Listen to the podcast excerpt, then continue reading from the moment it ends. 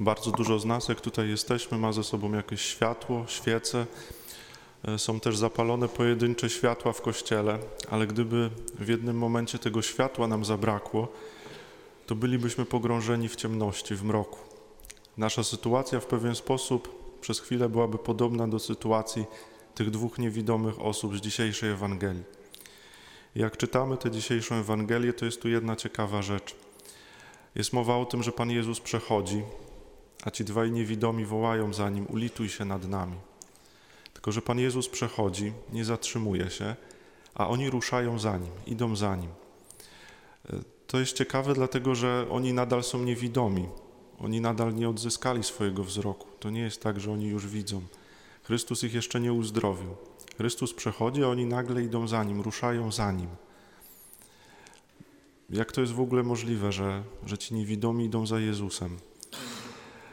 Nie wiem, czy wiecie, w jaki sposób można pomóc osobie niewidomej, w jaki sposób można ją prowadzić. To wygląda mniej więcej tak, że podaje się ramię i idzie się tak mniej więcej pół kroku przed nią, przed tą osobą, która jest niewidoma.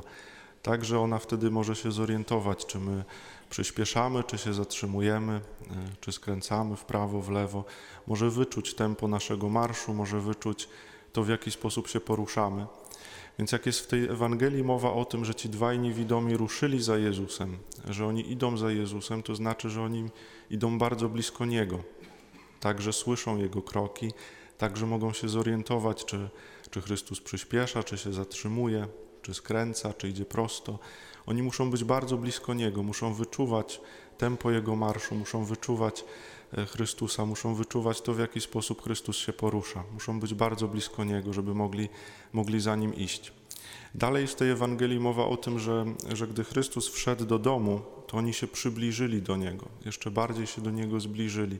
Ta odległość stała się jeszcze mniejsza niż była do tej pory. I po tym krótkim dialogu, który następuje pomiędzy tymi niewidomymi a Chrystusem, Chrystus kładzie swoją dłoń na ich, oczy, na ich oczach. Te oczy się im otwierają i wtedy, wtedy mogą zobaczyć i Chrystusa, i mogą zobaczyć światło. Mogą zobaczyć to, za czym tęsknili, czego pragnęli. To wszystko w jednym momencie, w tej jednej chwili staje się rzeczywistością.